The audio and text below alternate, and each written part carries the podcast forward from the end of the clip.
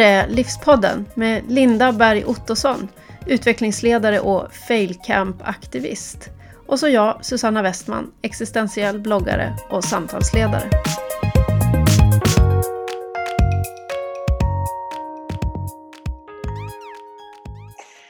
Ja, om man ska säga kanske någonting om vad hjältens resa är. Ja. Ehm, det handlar ju precis om förändring. Och det kommer ifrån Joseph Campbell som var professor i mytologi som han reste världen över och tittade på sagor, berättelser, religion världen över och jämförde alla de här och kunde se att det var i stort sett samma berättelse som återkom hela mm. tiden. Och det handlade alltså om en persons utveckling där man går igenom en rad svårigheter, ungefär som du beskriver det här med. Och han förstod att det här var ju någonting som är alltså, viktigt för människan över hela världen. Det är någonting som liksom ligger rotad i oss eh, överallt var man kommer ifrån. Mm. Att vi har den här inneboende möjligheten på något vis att utvecklas. Och vi längtar efter det här. Eh, så därför så är de här berättelserna så vansinnigt populära överallt också. Vi dras ju till dem. Han kallade det för monomyten. Just det. Som den här den stora myten framför alla andra. Så. Han, kom, han kom ut med den där boken 49 och då var det inte så många som brydde sig. Nej. Men sen på 60-talet, då helt plötsligt var folk mogna för den här och det blev en sån här storsäljare helt enkelt. och visst är det så att hela Star Wars typ är ja, gjord efter den? Precis, för det, var, mm. det hjälpte väl till att popularisera den ännu mer för George Lucas fick ju tag på den här. Han hade jättemycket problem med att eh, få till sin rymdhistoria där. Mm. Men när han hade läst den här boken så fattade han ju att det är det här jag försöker berätta. Och då, ja. då, då kom ju liksom hela den här äh, Luke som vandrar omkring där och är lite, ja men han är lite förvirrad i sin värld ja. på sin torra sandplanet där. Eh, men han anar någonting större. Han står ju och blickar bort mot de här två solarna i horisonten liksom, och mm. drömmer om någonting mer. Den här längtan efter att livet borde vara någonting mer. Mm. Det hör ju ihop med den här. Ja, gud, den där längtan, man känner den så starkt i den där scenen. När han står där ja, och tittar. Mm på solarna. Ja. Eller, eller månarna eller vad det nu är. De två ja. solarna är det nog. Ja. Har man väl fått fatt i den där längtan liksom, då, mm. då är det ju den man ska följa. Så kommer den här resan att börja rulla upp sig. Mm. Men ofta gör man väl inte det. För jag tänker att det är väl som med allt så här, som man inte riktigt vet vart det ska ta vägen. Att det är väl vanligare att man väljer att någonstans inte att man någonstans förklarar bort de här signalerna av att någonting borde förändras. Att man förklarar bort det med någonting annat. Ja, det, det, bekanta är ju skönt. Mm. Alltså man, man, den här resan går ju ut på att du ska lämna hemmet, alltså den invanda miljön. Och då kliver du ut i det här som var förvirring där. Mm. Eh, när det du en gång har lärt dig om dig själv Mm. Och kanske också om hur du ser på världen. Det, du märker att det här stämmer inte riktigt längre. Nej. Och det är en sån typisk grej som väcker ångest hos en. Ja, för vem är man då liksom? Och vem ska tala om det för en? Och så någonstans inse att det är bara jag som kan tala mm. om det för mig själv. Ja, det där är nog den stora frågan, alltså som hela resan handlar om. Vem är mm. du? Mm. Vem kan jag bli? Jag, tänker, jag brukar tänka på den som en sån här eh, resa från larven, puppan till fjärilen. Mm. Och visst kan du gå runt ett helt liv och vara ganska nöjd som en larv. Mm. Men väx den där längtan inom dig och du anar att vänta här nu, det, jag borde, det borde vara något mer någonstans. Mm. Då kommer du heller inte våga kliva in i det här puppstadiet. Pupp, puppan där som ju är det här undermedvetna, omedvetna. Mm. Att börja rota i det som du ännu inte vet. Nej. Nej det, det är ju skitläskigt. Mm. Men eh, varför är det här ett intressant ämne för dig? Ja, det satte igång så himla mycket tankar. Eh, och nu har jag kommit i kontakt med hjältens resa på lite olika sätt. Eh, dels för några år sedan via en eh, kompis som också jobbar som poddare faktiskt och skrivpedagog som har ett, eh, en skrivarkurs som hon kallar just Hjältens resa. Där det är ja, hur man bygger upp en historia helt enkelt. Då. Så jag har ju hört begreppet men jag har inte lärt känna Joseph Campbell förrän jag såg den här uh, videon som du la ut på din blogg för ett tag sedan om uh, eh, vad, den he, vad hette den? Finding den? Joe. Heter den. Just det, Finding Joe, precis. Ja, finns på Youtube. Ja, och det som den gjorde med mig, det var väl att den dockade i en eh, kurs vi precis hade gått på jobbet i förändringsledning. Och där vi hade lärt oss en av de här olika teorierna kring vad som händer i en grupp, eller ja, vad som händer i en i perioder av förändring helt enkelt. Och eh, just den här teorin heter förändringens fyra rum. Och där utgår man från någon slags nöjdhetsrum där allting är som det är. Liksom. Och man reflekterar inte så mycket över hur det är eller varför det är så. Man är rätt nöjd. Man går på, man går till jobbet. Eh, och sen händer det någonting som gör att man åker över i ett rum som kallas för förnekelse och censur. Den är någonting i det här nöjdhetsrummet börjar skava. Och man kanske inte riktigt orkar ta tag i det. Eh, utan man bara la la la håller för öronen och försöker låtsas som vanligt. Men man får hela tiden de här påminnelserna om att det här sättet vi har jobbat på eller det här sättet som vi har hanterat saker på tidigare, det funkar inte längre. Och från det här förnekelse och censur kommer man sen över i förvirring. Där man någonstans eh, ja, men liksom accepterar att det är någonting som inte funkar. Jag förstår inte riktigt vad det är och jag vet inte riktigt vad jag ska göra åt det. Men man, man på något sätt accepterar det. Och sen händer det någonting som gör att man skjuts upp i inspirationens rum. Där man då börjar på något sätt få ihop de här nya bitarna och se vad som funkar istället och vilken väg man ska gå nu. Så för mig var det här bara, men shit, det där var ju hjältens resa fast nedkokat till någon slags byråkratiska liksom. Mm. Eh, så, och för mig blev ju också den här fyra rummaren direkt så kopplade jag ju på den på mitt privat, liksom personliga liv också. Bara, ja just det, men det var ju precis så där jag kände och sen så försökte jag förneka att det var så jättelänge och sen hamnade jag där. Och, ja. Så att för mig var ju hjältens resa någon slags eh, extra allt som förklarade mig och världen på ett mycket roligare sätt än teorier gör. För att det här mm. var en berättelse. Mm. När i livet känner du att eh, någon kom och knackade på dörren till dig med en kallelse eller något? Ja, jag funderar på det jättemycket. Um, och jag, jag, vet faktiskt inte riktigt om jag har något bra svar på det. För att det har kommit...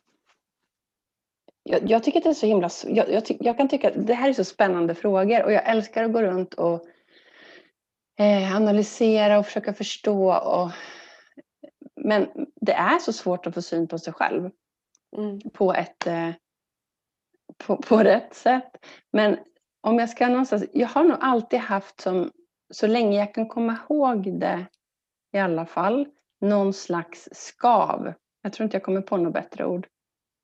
Eh, där jag mest har tänkt så här, varför är jag aldrig nöjd? Mm. Vad, vad, vad är det för fel på mig som gör att jag inte liksom då slår mig till ro och är nöjd när alla andra verkar kunna göra det. Det måste ju vara något fel på mig liksom. Mm. Eh, den allmänna känslan och sen så har det ju liksom under årens lopp funnits olika typer av olika brytpunkter absolut. Men det är också så svårt när man inte har någon att eh, prata om med sånt här.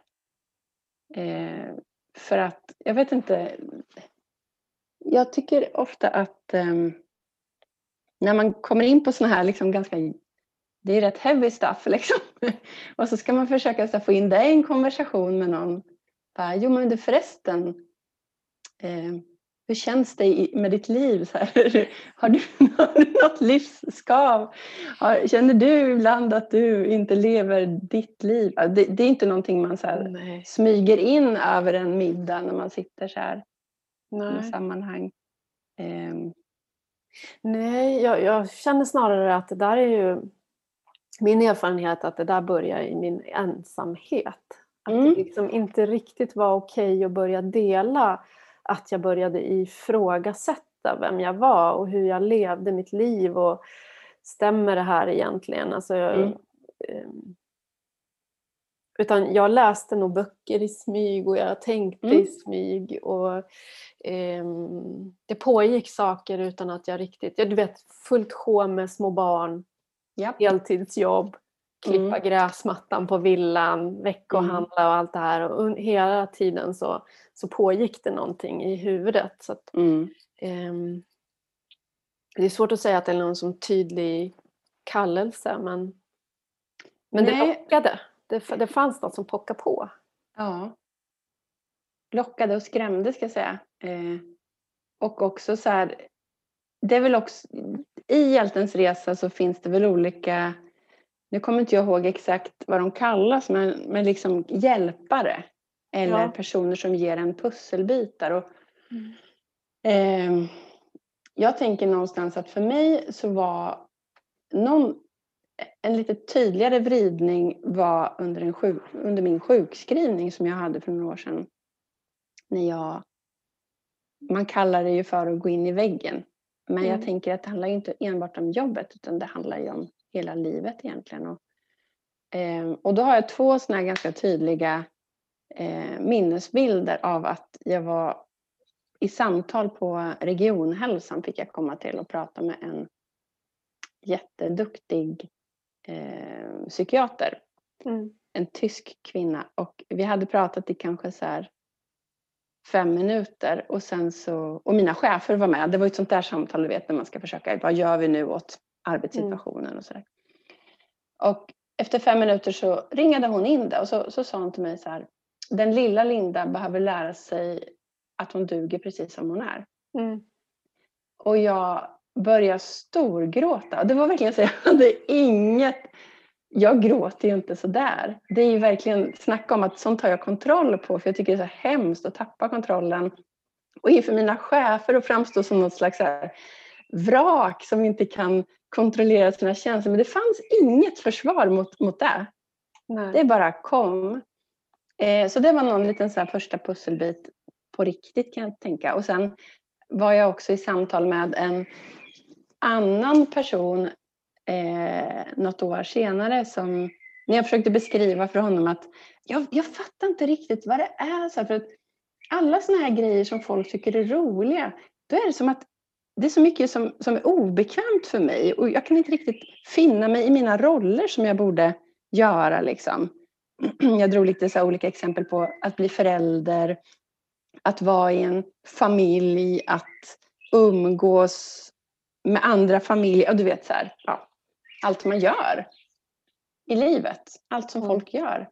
Och han bara, men det är inte så konstigt Linda, du är en normbrytare. Så det var också en liten sån här, ja men du vet man får som små så här gåvor av olika människor och ju mer jag har märkt att jag har öppnat mig för det här som vi nu kan kalla för hjältens resa, ja, desto tydligare blir det att de här hjälparna eller personerna eller pusselbitarna eller böckerna eller filmerna eller musiken, de, de finns överallt. Och när man är liksom öppen och lyhörd så så kommer de här små eh, hjälpen till en då och då. Mm. Jag tänker att man kan ju likna med dem med de här figurerna som dyker upp i, i sagorna och i myterna mm. eh, och ger en eh, gåva. Mm. Ofta de kan ge en nyckel eller de kan ge en eh, liten docka eller en sten eller det kan vara några ord så här men oftast vet ju inte karaktären i sagan ännu vad de ska göra med det här. Exakt.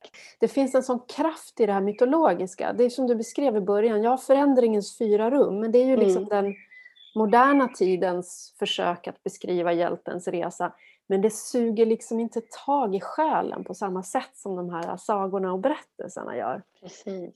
Där det verkligen är ont och gott och det är eh, på, på dödligt allvar.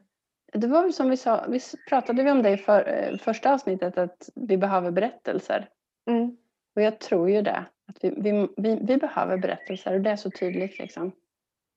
Um, men det, också... det når rakt in liksom. Ja, men vi har tappat förmågan um, att förstå något bildligt lite grann. Vi, vi, mm. vi har liksom indoktrinerats eller bara omskolats in till att allting blir, är bokstavligt så. Ja. Och annars är det liksom lite fånigt och inte verkligt. Ja men då är det för barn ungefär. Men när man får de här mytologiska bilderna med hjälparna som kommer. Mm. Eh, draken är ju fantastisk i det här. Att när man fattar mm. att draken är ju du. Ja. Alltså det är dina egna inre föreställningar och antaganden om dig själv som begränsar dig själv. Ja. Då förstår man ju liksom, det är någonting annat än att man säger så här, ja, du måste sluta mm. med det där beteendet. Mm. Men då fattar den där meningen fångar inte hur svårt det faktiskt är att bryta ett invant beteende som bygger på tankesätt. Utan då är det mycket lättare att begripa att det är ju apsvårt att gå in i den där grottan. Vem vill gå in till en drake som kan spruta eld? Inte jag. Inte jag heller. Nej. Så man, man, det är inte konstigt att man sätter klackarna i backen och strävar emot. Mm.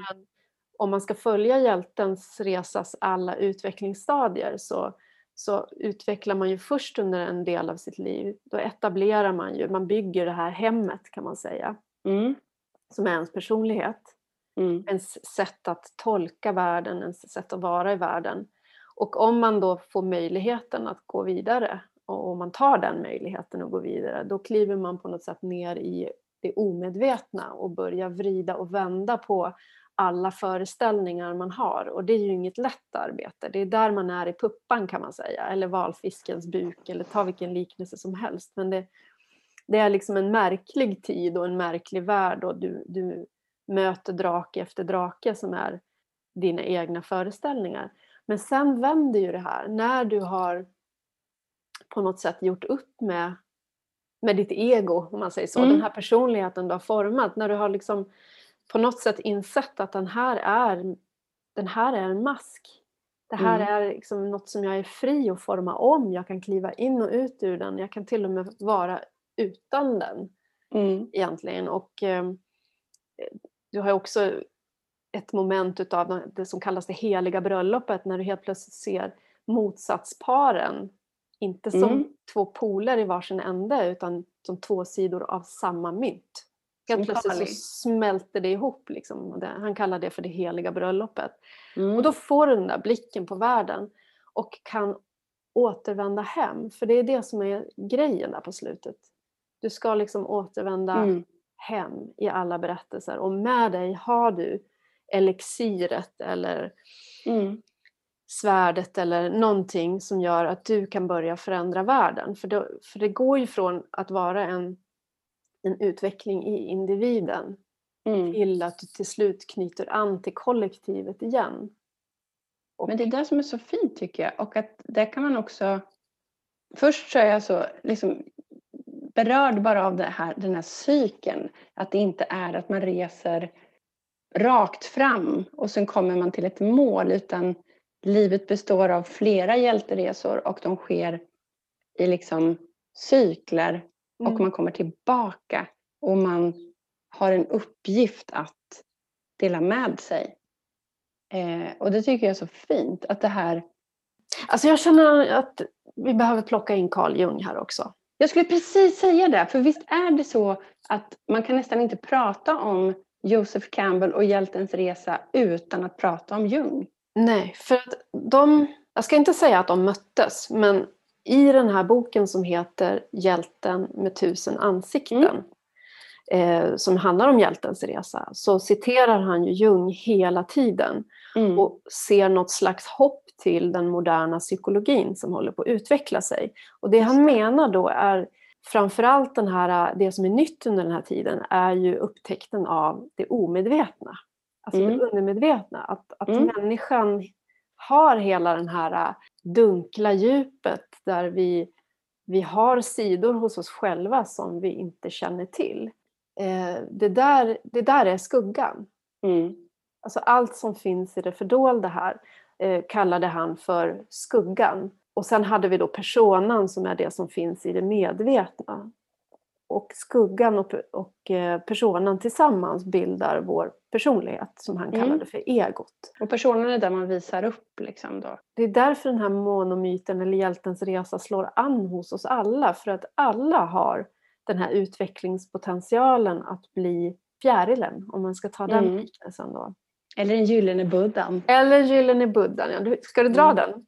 Nej, men den är så fin! Mm. Alltså på riktigt. Det är, som att, det, det, är också en sån här grej som jag bara ser mer och mer. Och som vi också, kom ihåg Sören Kierkegaard nu. För att jag vill gärna att du ska säga något om honom och det du skrev häromdagen.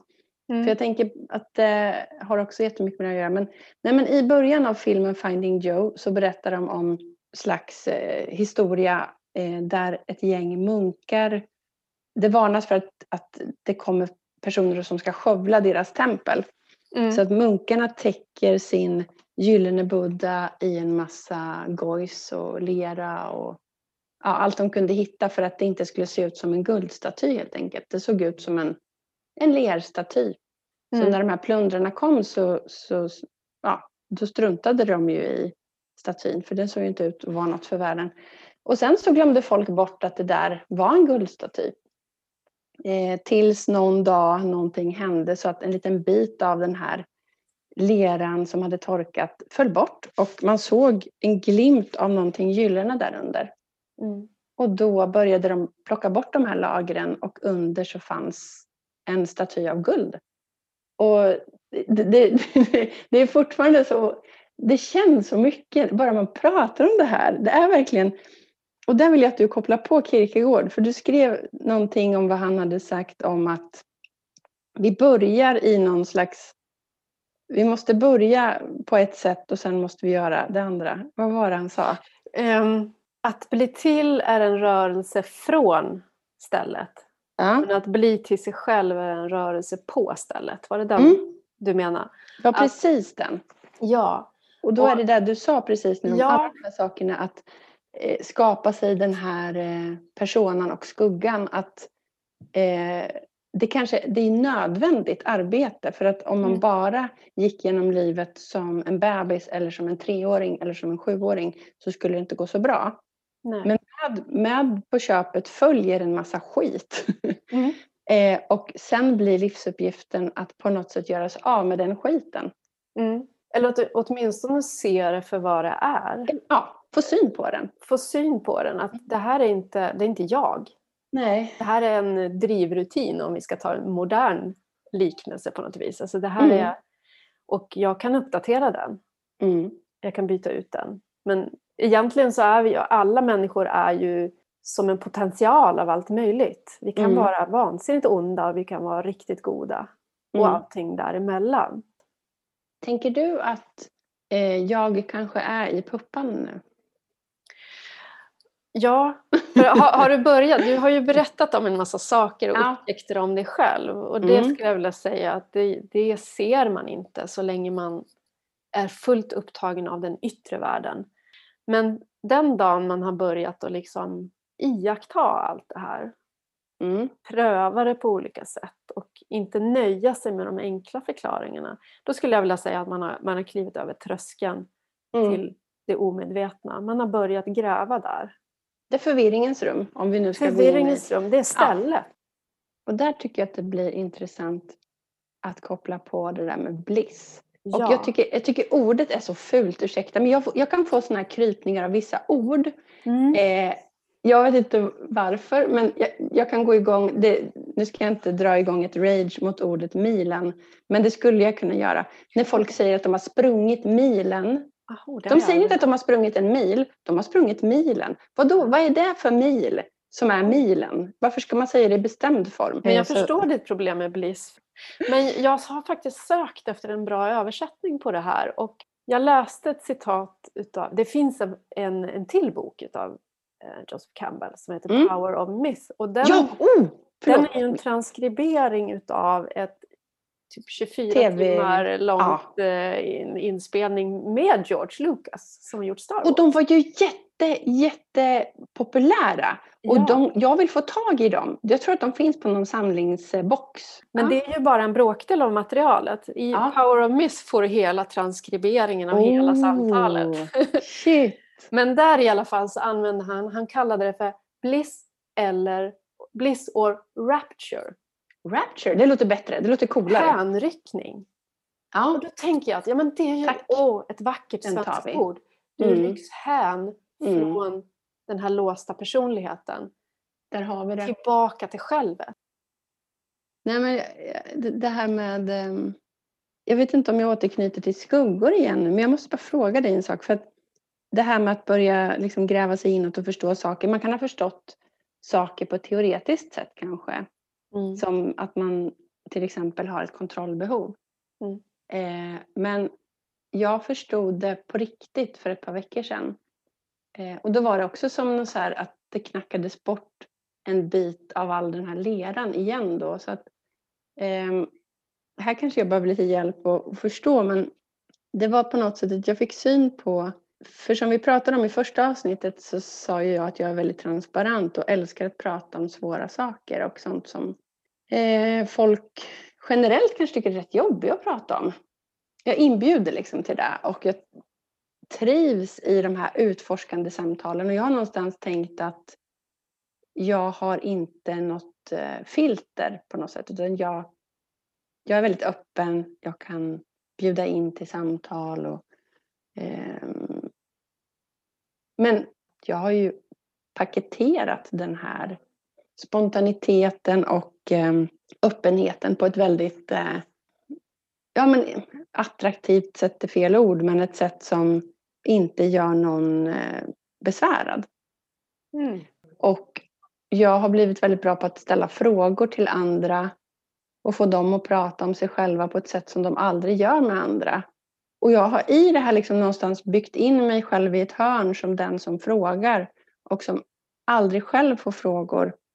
Och som också framstår som en som har som koll på sig själv och vet så mycket om sig själv och har sån, är så trygg i sig själv.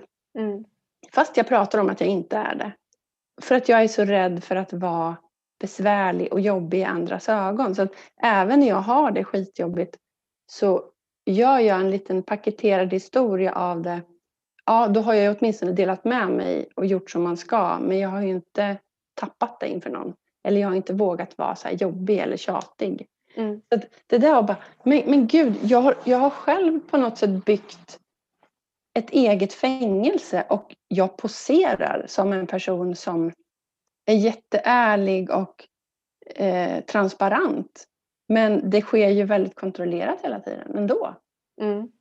Så att den här kontrollen, jag förstod den i kroppen liksom för första gången. Mm. Sen finns det mycket kvar att utforska där men, men eh... Ja och där har du ju fått syn på den andra sidan. Alltså, det blir ju ofta så att om du vill vara en person som delar saker mm. och du vill vara öppen mm. då blir du också samtidigt då finns det ju också dess motpol, dess motsats. Mm. Alltså hemlighetsfull och dold. Och du blir det samtidigt, för det, det är en sida av dig själv du trycker ner mm. uh, under det omedvetna, det som man kallar för skuggan. Det blir din skuggsida. Och när du då får syn på en sån här sak så, så identifierar du ju någonting viktigt du ser att den här personan, den här öppenheten mm. innehåller ett drag av att vara, alltså du är manipulativ. Mm. Du försöker, genom att paketera det här du säger så försöker du liksom vinna flockens acceptans och mm. gillande för att mm. du vill vara med. Ja men absolut. Jag är så rädd att inte få vara med. Ja. För att jag någonstans, och då har jag lärt mig hur jag ska göra och hur jag ska vara för att bli godkänd. Liksom. Mm. Och det här har ju, upp, det har ju skapat någon slags här, vad ska man säga, baksug att jag har börjat känna så här, men jag vill också ha frågor. Mm. Jag vill att folk ska bryr sig lika mycket om mig och var lika nyfikna och intresserade av, av mig som jag är av dem.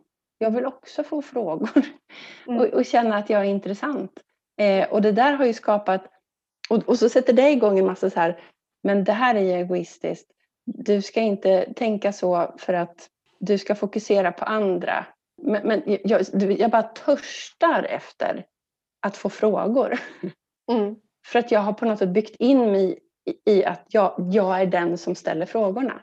Mm. Det är effektivt sätt ja. att inte få frågor.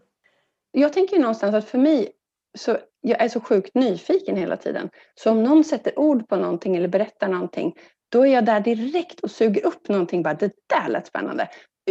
Utveckla det där, förklara det där. Och hur menar du med det? Och, och undrar om det är för att jag vill att någon ska säga så till mig hela tiden också. Är det ett litet barn som känner att hon inte får uppmärksamhet eller vad är det här liksom?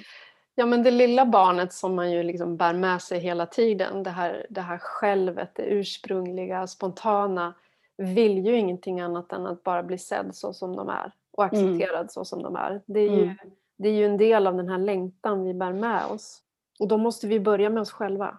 Mm. Vi måste ju först själva kunna acceptera alla sidor hos oss innan någon annan kan göra det. För annars vågar vi ju inte släppa fram dem heller. Vi, vi, vi kommer ju aldrig till det här tillfället när vi bara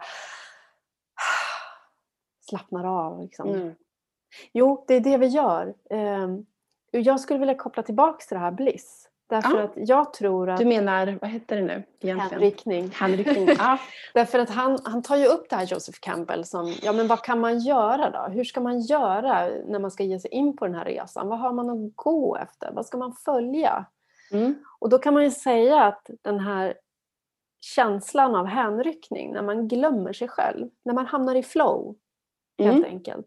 En superviktig ledtråd, den kan man åtminstone ha koll på. Alla vet hur det känns. Mm. Och alla vet vad det är som triggar igång det här. Vi minns de här tillfällena. Mm. Och det är som den här, ja, men som din blå kanin som vi har som logga. Mm. Den ska vi följa med ner i det omedvetna, ner i, hål, ner i kaninhålet. Mm. Eh, för då kommer det ordna sig. Mm. Om vi bara följer den blå kaninen, alltså hänryckningen. Mm. Och försöker få mer utav det. Och han, i det här samtalet med George Lucas så förklarar han att alla människor borde ha en bliss station, kallar han det för. Eh, alltså en hänryckningsstation då, om vi ska översätta det till svenska. Ja. Det låter ju inte klokt men... Ligger bra i munnen. Ja precis. det kommer slå hårt det här ordet. Ja. Mm. um, men det handlar helt enkelt om att skapa en rutin, ritual, kanske en plats där du, som han beskriver det, glömmer vilka som är dina vänner, glömmer vad du är skyldig dem, glömmer vad de är skyldiga dig. Mm. Och slutar att bara göra det som förväntas av dig hela tiden. Alltså på något vis frikoppla dig från personens kamp hela tiden. Att, att vara accepterad och att göra allt det här som man måste göra. Och han plockar naturligtvis in för vi snackar ju om att börja väcka liv i den högra hjärnhalvan bland annat. Mm. Eh, det är där den här självförglömmelsen och flödet brukar vakna till liv. Mm. När vi är inne på det här rationella ordning då är vi också väldigt självkritiska och självreflekterande. Då försöker vi liksom skärpa till oss hela tiden. Så att mm. Kliver man in i den här högra hjärnhalvan som är liksom kreativiteten, intuitionen. Barnet. Barnet ja, leken. Mm. Eh, och gör saker inte för att de ska bli någonting utan för själva görandets skull. Det kan vara mm. vad som helst. Det kan vara påta i trädgården, det kan vara sortera i gamla foton eller, eh, eller eh, ja, men för all del måla eller eh, skriva. Eller... Fridans. Fridans. ja, jag vill inte säga det själv men det är ju bäst såklart. Ja, mm. En stund utav det här, du kan vara ute i naturen också bara, men det viktiga är att inte göra det den vänstra hjärnhalvan skulle ha gjort. Du ska inte sätta upp ett mål eller sikta på att det ska vara en färdig produkt, utan gör som barnet. Liksom. Bara röj runt i någonting och lämna det så som det är, så som barn gör. Det här låter jättemycket som en bok som jag faktiskt inte har läst själv än, men som är så många människor runt omkring mig har läst och jobbat efter så att det känns som att jag har läst den. Men Julia Camerons bok Lev kreativt eller den eh, heter på engelska någonting annat som jag inte kommer på nu. Men det kan vi kolla upp.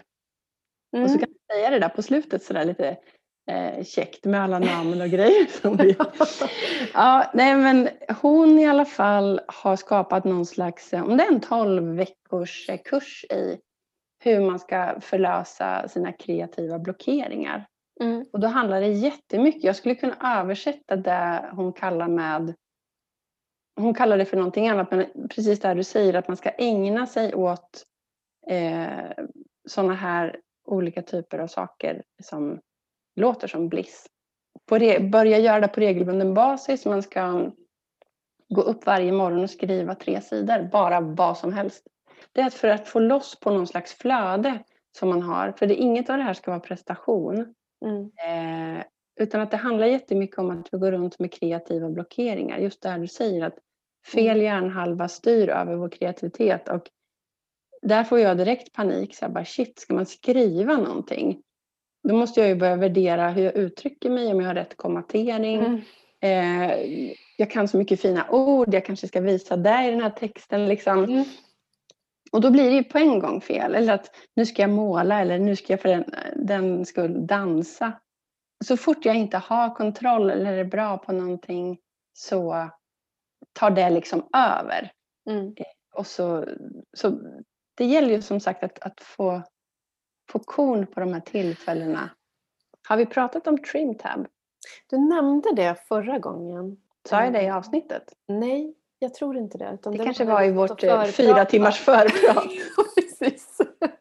Vi ska släppa det någon gång sen. ja, precis. Uncut. Transkriberat.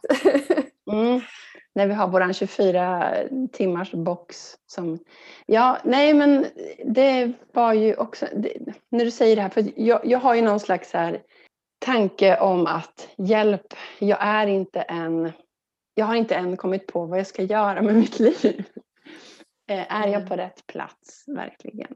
Kan jag vara exakt den jag är och upptäcka det där jag är eller ska jag göra någonting annat? Och det där är väl jättevanliga tankar. Det som jag tycker så mycket om i uttrycket trimtab som myntades i, det här, i den här bemärkelsen av en man som heter, hette Buckminster Fuller. Och det låter ju som ett påhittat namn, men det är det inte. Och han, han var en sån person som känns som före sin tid på jättemånga sätt. En så här entreprenör, uppfinnare. Eh, tänkte verkligen som ett barn utanför boxen och det känns som att han var nog ganska mycket i bliss hänryckning. Men eh, han i alla fall, på hans gravsten står det Call me Trimtab. Och det han menar med det var att han beskrev att på roder så finns det på stora fartyg och sådär och även på flygplan tror jag så finns det som någon liten grej styrfunktion som heter trim tab. Eh, och ska man vända ett stort fartyg och man liksom kommer på att man måste byta kurs, att man typ är på väg åt fel håll, så kan man inte göra någon hastig manöver med själva rodret utan man gör en liten vridning på trimtabben och sen till slut så har hela det här fartyget ändrat mm. riktning och kurs. Och han liksom översatte det till eh, människors beteende att var och en kan vara en trimtab i sin eh, miljö och, och i sina sammanhang där man kan skapa jättestora förändringar genom bara små, små vridningar. Först kanske i sitt eget medvetande men sen liksom i förlängningen i andras medvetande och sen till slut också kanske då mm. i eh, samhället. Och då tänker jag igen så här att hjältens resa kopplas ju på där också. Att en persons hjälteresa, en persons personliga utveckling, att komma tillbaks med det här elixiret, att det i sig måste inte nödvändigtvis ske med buller och bång utan det kan vara i form av en trimtab. Att mm. jag upptäckte här liksom. Mm. Och det i samtal med andra får andra att upptäcka det här och sen till slut så, ja, Eh, och jag tycker det är ett så fint sätt. För det här att gå och vänta på sin livsuppgift och någonstans tänka att jag var menad för något större. Som man säger, bara, men jag ska förändra världen och varför gör jag inte det? Och mm. Tänk om man kan se liksom så här, man, tänk om man kan förändra i det lilla och att det inte är bullshit heller. Liksom. Mm. För det finns ju vissa saker, om vi nu pratar om det här med bliss eller hänryckning, det som är lätt och kul pratar de ju också om. Mm. Eh, att det finns ju vissa saker som kommer enkelt för oss, även när det kommer till omsorg. Vi kanske Mm. bara visar det på olika sätt. Liksom. Mm. Och att, ins- att på något sätt gilla läget där också. Att jag är en person som tycker att de här bitarna är skitsvåra och skitjobbiga. Jag måste inte alltid göra dem då. Jag är inte dålig för att jag inte kan det, det, det, det, det och tycker att allt det här är lika härligt. Mm. Eh, jag kan hjälpa till på det här sättet. Jag kan vara en förälder på det här sättet. Jag måste inte bocka i alla de här rutorna på eh, som alla andra verkar göra när de är föräldrar. Utan jag kan vara min typ. Jag kan vara mig själv i, i Mm. mitt föräldraskap. Ja, och där tror jag det finns, liksom, det, det handlar om ett, ett, ett skifte som inte syns ut, utåt. Eh, utan det har med intentionen att göra. Mm. Om jag hela tiden är där för att eh, hjälpa andra med massa saker, men Mm. jag kanske gör det av fel skäl. Alltså jag Mm. gör det för att jag ska vinna uppskattning, jag gör det för att jag ska få eh, någonting tillbaka. Mm. Att rannsaka sig själv och upptäcka det är jättejobbigt. Att inse att jag är manipulativ här som, som försöker köpa andras gillande och så vidare. Det kan vara skitjobbigt att upptäcka det. Mm. Men det som det öppnar upp för är ju, du ska ju inte behöva sluta vara hjälpsam. Du har förmodligen utvecklat en fantastisk förmåga att vara hjälpsam Mm. och vara, lägga märke till vad som behövs. Men om du blir självklar, om du gör den här hjältens resa och gräver i all den här eh, skiten höll jag på att säga. Mm, Men liksom, om mm. du gräver i din personlighet och varför gör du saker egentligen? Vad, vad är Mm. det eh, för olika skäl du har till det här? Då kommer du att kunna göra det utan ansträngning för då, behöver, då har inte du någon mask att upprätthålla. Förstår du vilken börda den här masken är? Att hela tiden vakta på ditt anseende. Men det är exakt som med mig och frågorna och samtalen. Mm. någonstans är det väl, i mitt fall det här med, med frågorna, att jag tänka så här, ja, det är faktiskt en egenskap som, där det faktiskt är lätt och kul för mig. Jag älskar att vara i samtal och jag älskar att ställa frågor och få veta mer om andra. Hur, hur ska jag göra då för att själv bjuda in till frågor? Om, Mm. om jag längtar efter det? Liksom, finns det någon hur kan jag bete mig då? Jag tänkte att du skulle lösa visa det åt mig nu. Ja. Jo men jag, jag, du får ett mejl av mig. ja vad bra. Nej men alltså du, följ bara din lust. Det, jag tror det är det Joseph Campbell säger. Om du har fått fatt i att det här är din hänriktning, alltså, att, att få vara i de här situationerna, då kommer det komma till dig på något vis. Alltså, du kommer att se möjligheterna där du kan skapa den här typen Mm. av samtal. Eller få finnas i den här typen av samtal. Fria utforskande samtal med människor som inte sitter fast. Mm. Det är det bästa jag vet. Men om man tänker på det här med, med vad heter det, larv och puppa och fjäril igen. Vart, vart någonstans i hjältens resa skulle du säga? För att i förändringsfyra rum så känns det ganska mycket som att det är förvirringen som är puppan. Mm. Eh, Men i hjältens resa, var någonstans befinner man sig då ungefär skulle du säga? Alltså det finns ju, man, man kan tänka på hjältens resa som ett, ett U.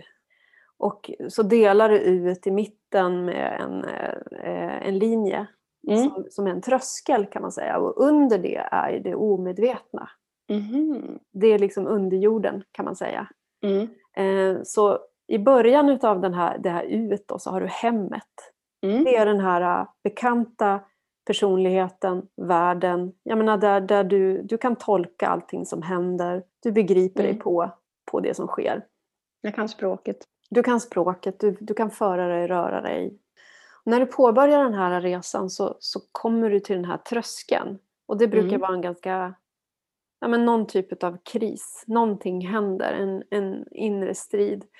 Eh, du kan ta det där klivet frivilligt också. Eh, Mm. För att du känner att någonting skaver. Du kan säga upp dig eller jag vet inte, skilja dig eller vad som helst. Men det kan också Mm. vara så att eh, någon anhörig dör eller det är någonting dramatiskt. Eller ett rent Mm. misstag som gör att eh, allting skiter sig på jobbet eller du Mm. missar ett tåg eller vad som helst. Då har du trillat över tröskeln. Och där börjar den här resan liksom Eller ner i kaninhålet. Ja, det är när du, när du skiftar den här blicken ifrån den här yttre världen, det här yttre sammanhanget där, där karriären spelar roll eller där eh, ja, men hela ditt anseende spelar roll, eh, vad du nu än har gjort till din persona. Så fort du förflyttar dig från den till att börja vända dig inåt, där är puppan. Okej. Alltså då har du klivit in i början av en transformation, att gå ifrån den här larven som du är Mm. När du ägnar dig åt allting det här eh, Som är. Ja, allting som är, alla de här föreställningarna, normerna. Mm. Ja, men när du följer det här spåret som, som vi alla gör. I, Och reglerna. och reglerna i vuxenblivandet. Där börjar du ifrågasätta, vrida och vända på allt. Mm. Och eh, det blir ju bara rörigare och rörigare kan det kännas som. ja, det Ingenting klarnar här, men det är ju det är precis vad, som sker i puppan. Det är ju en upplösning.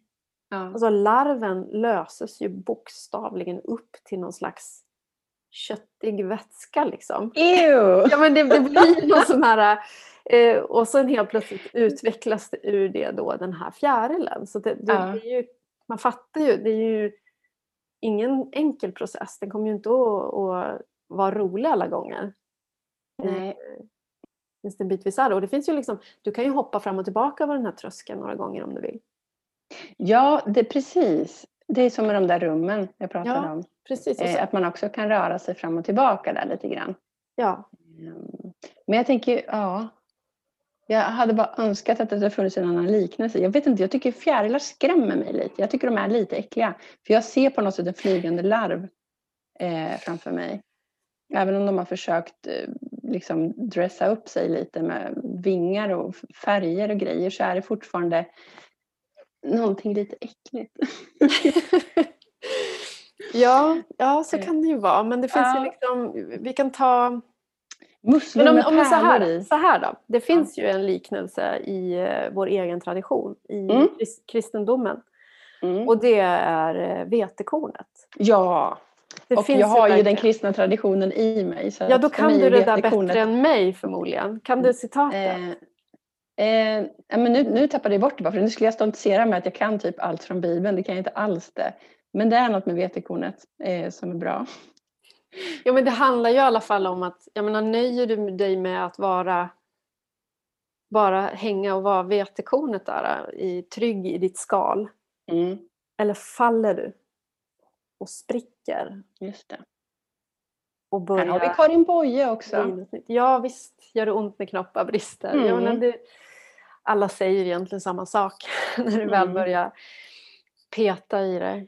Men i det här tillståndet av, eh, vi kan kalla det puppa ändå, för nu har vi ha, haft det ordet med Mm. oss hela programmet, så tycker jag så här, nu pratar vi om the matrix som att se saker som det är på ett ganska obehagligt sätt. Då. Men jag tänker att om vi också kan tänka oss the matrix som någon slags verklighet istället, så Mm. är det såklart skrämmande. Men när man i det här puppastadiet ibland får glimtar av verkligheten så som den faktiskt är, Mm. Så, ska, så är det ju också, man blir ju hög nästan ibland. Ja.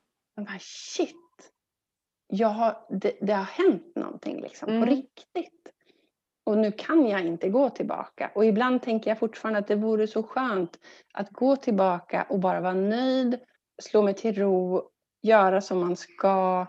Men sen så vet jag också att det går ju inte. Men det, i de här perioder av jättestark utveckling och rör, rörelse och rörighet så, så längtar man ju ibland. Det, det är jättesvårt att gå tillbaka. Och, och där finns också någonting när vi, när vi pratar om det här att när vi upplever det som är guldet, Mm, när vi får den här blicken, då blir vi så... Alltså det är en känsla av att vara levande som, som alla människor vet när det händer. mm, Det går inte att ta fel på det då. Joseph Campbell sa någonting om att det är som att vara i the beam of the beam. ja, Att verkligen vara i det centrum av ljuset. Jag hade velat hänga lite med Campbell och, och typ ta ett glas vin med honom. Mm. Det hade varit kul. Mm. Nu får man nöja sig med Youtube-klipp och ett glas Ja. vin. Ja, men eller hur? Men du, vad, vad har vi fått ihop av det här då? Ehm, Eh, vi har ju pratat lite om var någonstans. Jag, jag befinner mig tydligen i det undre uet. det, var där vi... Ja. Och att det är lite skönt att få syn på det för mig rent personligen för att det är en ganska gungig och svajig och svårförståelig tid och Mm. griper man någonstans efter de förklaringsmodeller som finns och då är det så skönt att också någonstans få tillåtelse att känna så här. Du ska känna så här nu. Mm.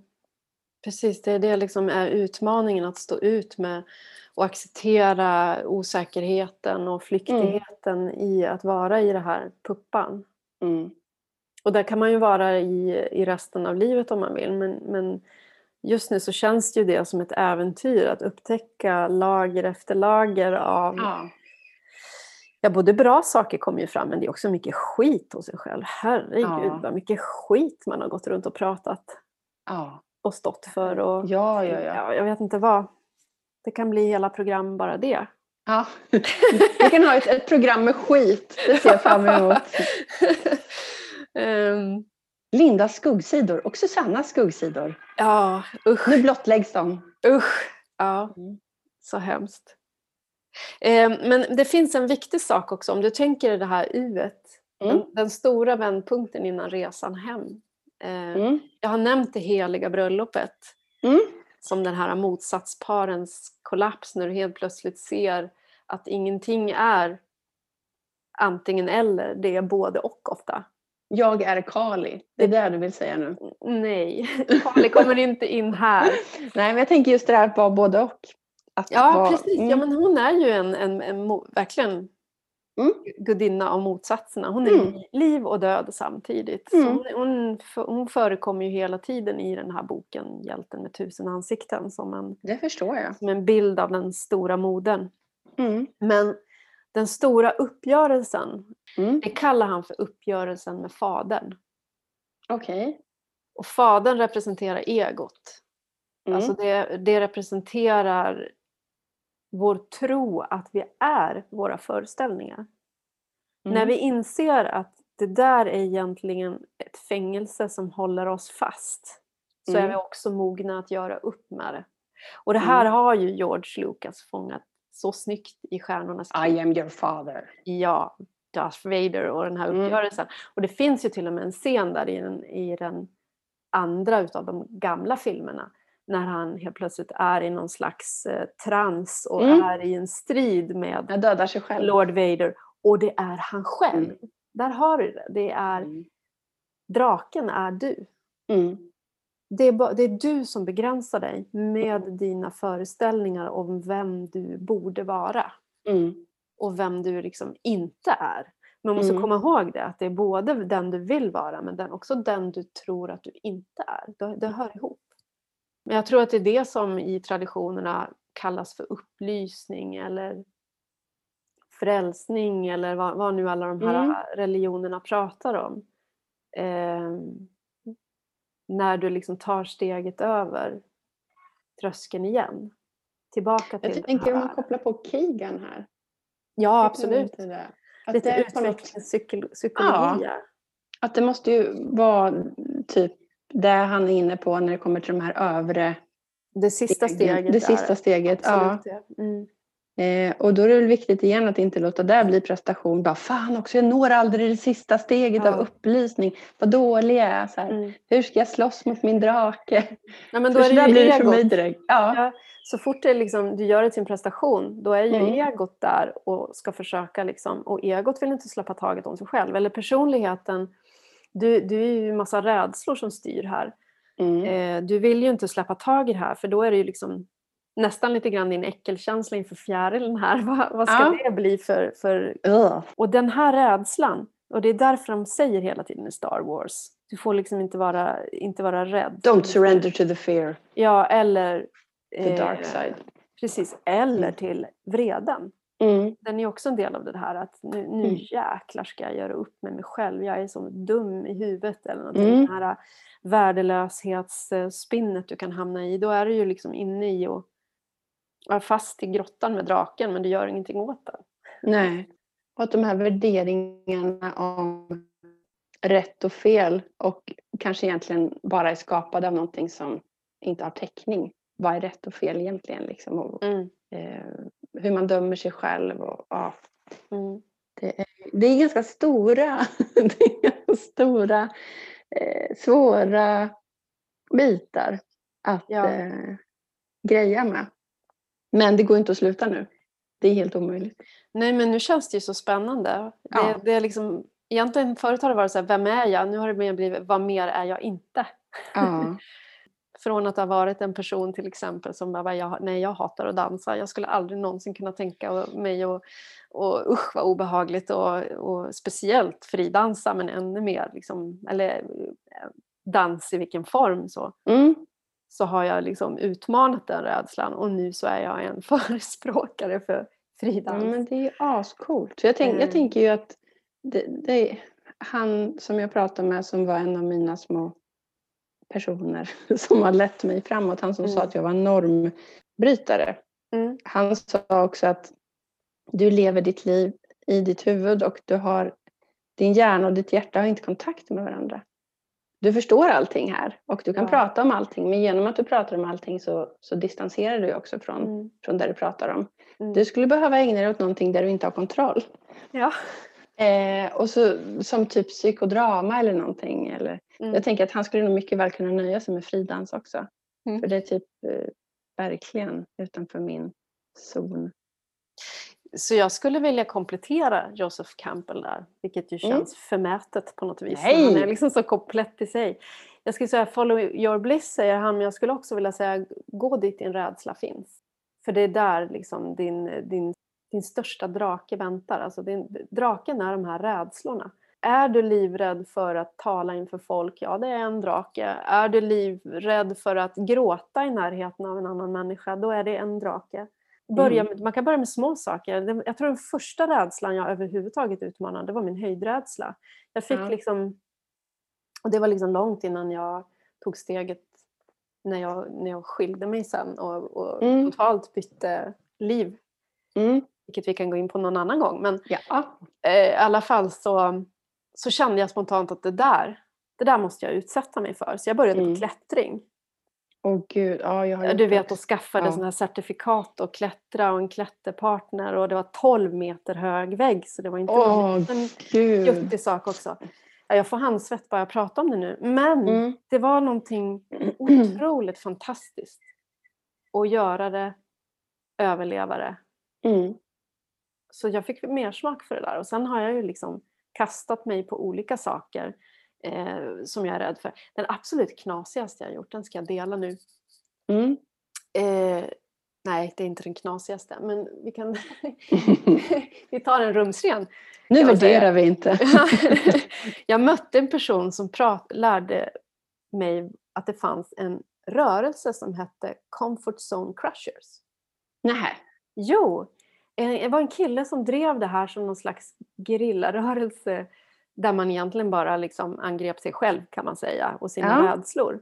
Så vad är du rädd för att göra? De gjorde såna här, för, för de som, den här killen jag pratade med då, han och ett gäng åkte till Stockholm och bara gick runt och pratade med helt främmande människor. Bara Mm. liksom minglade på stan med Ja. vissa människor så här, för de hade någon stark rädsla av att bli avvisade. Mm. Så de skulle liksom prova det. Mm. Och jag kände, vad är jag rädd för då? Ja, men jag är ju rädd för att ses som en knäpp människa. Alltså någon som är galen på något sätt. Och vad kan en galen människa göra? Och då fick jag förslaget att, ja men gå och lägg dig på gågatan bara. Mitt bland människor när de kommer gå. Bara lägg Och det skulle vara mitt värsta. Vad ska folk tro om mig? Och vet jag provade det. Inte på gågatan, det vågade jag inte. Men, jag, men på ett torg i närheten där det finns liksom Ica, pizzeria, bageri och såna här grejer. Ja. Jag gick runt och svettades på Mm. detta torg, jag var ensam.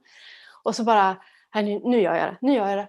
Och så bara la jag mig ner mitt på, mitt på torget sådär. Nej. Och du vet, jag genomled. Det var som att det var liksom hela kroppen. Jag mådde så dåligt när jag låg där. Jag, jag verkligen så här, tills jag började inse att det är inte Käft som bryr sig. Ja, han kollade någon lite grann sådär. Mm. Och sen började jag känna, men varför bryr de sig inte? Tänk om jag, må, tänk om jag ligger här och mår dåligt. Mm. Men ingen bryr sig. Men förmodligen mm. tänker de att det är en, helt, det är en knäpp människa. Mm. Ingen vill befatta sig med knäppa människor. Men det var något vansinnigt skönt av att ha gjort det där.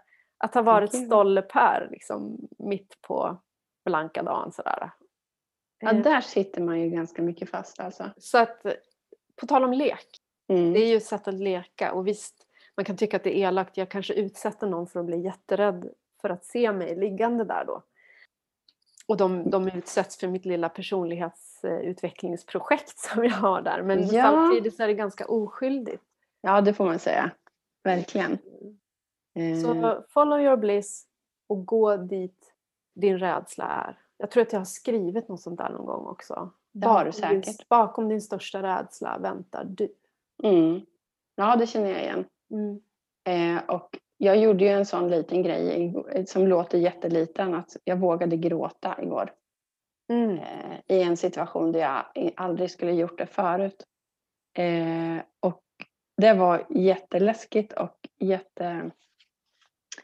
Ja, allting jätte på en, en, en samma gång. Men, men, den här känslan av att jag gjorde det. Och mm. jag överlevde. Och det, det var inte så farligt. Och det låter så fånigt när jag säger det högt nu men, men för mig var ju det där ett före och ett efter faktiskt. Mm.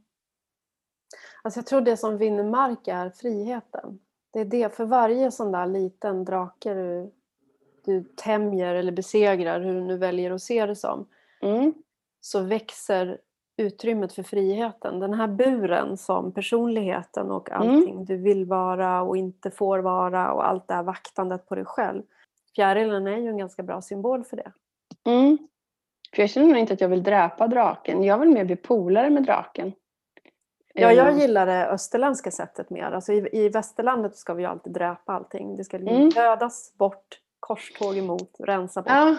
Men tittar man på så animerade japanska filmer och så, så mm. tämjer man ju alltid draken. Mm. För att kunna använda drakens kraft. Mm. För det handlar ju då i grund och botten om att faktiskt bli vän med sig själv. Mm. Eller acceptera sig själv, precis som man är. Nu har vi pratat ganska länge. Och jag undrar lite grann, har du någon rage i dig? Eller är det en sån dag?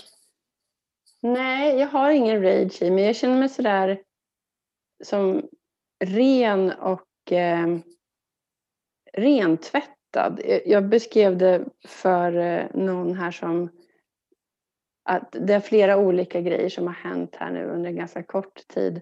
Och det är samma känsla som när man kommer ut från en begravning. Det här låter väldigt konstigt kanske. Men den här känslan som, man, som kan uppstå i ett sammanhang med människor som har varit med om det värsta och som sörjer. Mm. Att det finns någonting som eh, gör, som skapar en samhörighet mellan människorna där. Mm. Eh, och att man någonstans förenas i en känsla av just det här med, med att man har sett livet för vad det är.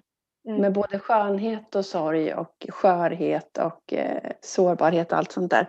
Och så går man därifrån med en känsla av det här att man hänger ihop med någonting större och att eh, massa lager har skalats bort. Mm. Precis så känns det. Så att, nej, idag, jag, jag har liksom, jag har ingen rage. har du någon? Nej, det är för varmt och skönt och ja. sommaren känns som den är här. Så att, ja. nej, Vi kan inte det... pressa fram någon rage bara för Nej, så. nej. Så vi kanske ska stanna där. Ja.